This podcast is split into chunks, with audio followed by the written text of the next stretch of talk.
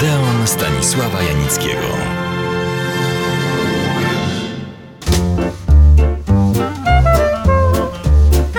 Przed tygodniem rozpocząłem swoją opowieść o Stanisławie Różewiczu, równie niezwykłym, co wybitnym polskim reżyserze filmowym, teatralnym i telewizyjnym, autorem filmów dokumentalnych, ale przede wszystkim fabularnych. Notabene bracie naszego wielkiego poety Tadeusza Różewicza, z którym zresztą nad wieloma scenariuszami pracował. Za debiut filmowy Stanisława Różewicza uważany jest słusznie, choć film ten zrobił razem z innym debiutantem, a wkrótce jednym z najważniejszych polskich twórców filmowych, jakim był Wojciech Has.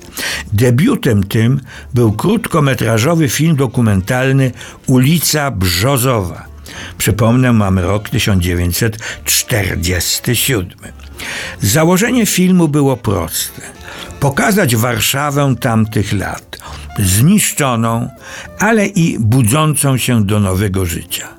I z tym ukazaniem ówczesnej Warszawy zaczęły się kłopoty kłopoty, bo władze odmiennego obrazu się spodziewały. Hurra optymistycznego, kreślącego nowe, które nastało i rozwijać się będzie. A Różewicz i Haas, ten drugi odnalazł potem dla siebie inny zupełnie styl, jak to trafnie ujął Marek Hendrykowski w swej monografii Stanisława Różewicza, zrobili opowieść o mieszkańcach jednej tylko staromiejskiej warszawskiej ulicy.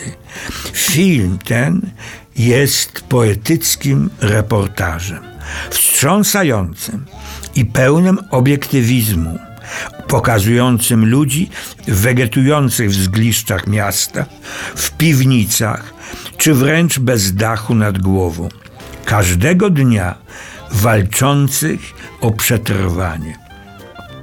Obraz ten był tak wstrząsający i pozbawiony oczywistego dla władz komentarza o świetlanym jutrze, że został zatrzymany i wymuszono napisanie do niego optymistycznego komentarza. Ale i on władz nie zadowolił i ulica Brzozowa nie weszła na ekrany.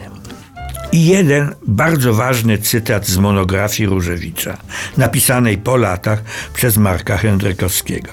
To wtedy na dobrą sprawę zaczyna się różewiczowski Kammerspiel, kameralny dramat. Otóż dla tego rodzaju dramatu charakterystyczne, wręcz obowiązujące jest przedstawienie drobnych zdarzeń z życia zwykłych ludzi, które jednak w naturalny sposób wyrażały uniwersalne i ważkie problemy. Dlatego nad tym się tak rozwodzą, ponieważ zdecydowana, jeśli nie absolutna, większość filmów Stanisława Różewicza ten stosunek do świata, do ludzi, do sztuki uprawianej przez niego prezentuje i wyraża.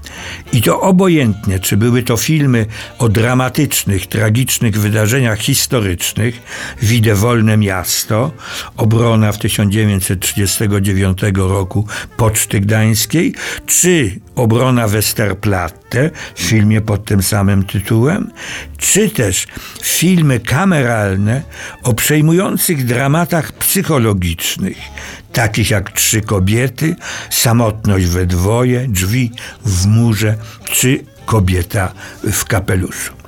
Ale przygoda fabularna Stanisława Różewicza zaczęła się z zupełnie innym filmem, choć może miał on nadzieję, reżyser, że uda mu się opowiedzieć tę dosyć szablonową akcję, fabułę w jemu bliski sposób. A może chciał, tak jak każdy młody twórca, po prostu zadebiutować. Nie tylko on przeżywał ten dylemat. Bardzo podobny przeżywał również późniejszy nasz znakomity mistrz Jerzy Kawalerowicz.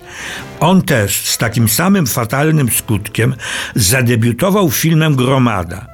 Stanisław Różewicz też, jak to się mówiło, tematem wiejskim. Obaj ponieśli sromotną klęskę. Na szczęście czasy się nieco zmieniły i mogli kontynuować swą twórczość, jeśli nie tak dokładnie jak chcieli, to przynajmniej w sposób do tego zbliżony. Kawalerowicz celulozą i pod gwiazdą frygijską, zaś Stanisław Różewicz w roku 1956 trzema kobietami. Ale do tego znakomitego filmu jeszcze wrócę. Teraz chciałbym Państwu jednak krótko przedstawić, bo któż to dzisiaj pamięta, krótko, ale treściwie, na czym takie czysto socrealistyczne, zgodne z wymogami ówczesnych władz, filmy polegały. Najpierw gromada Jerzego Kawalerowicza. Film przedstawia walkę chłopów małorolnych z młynarzem i kułakami.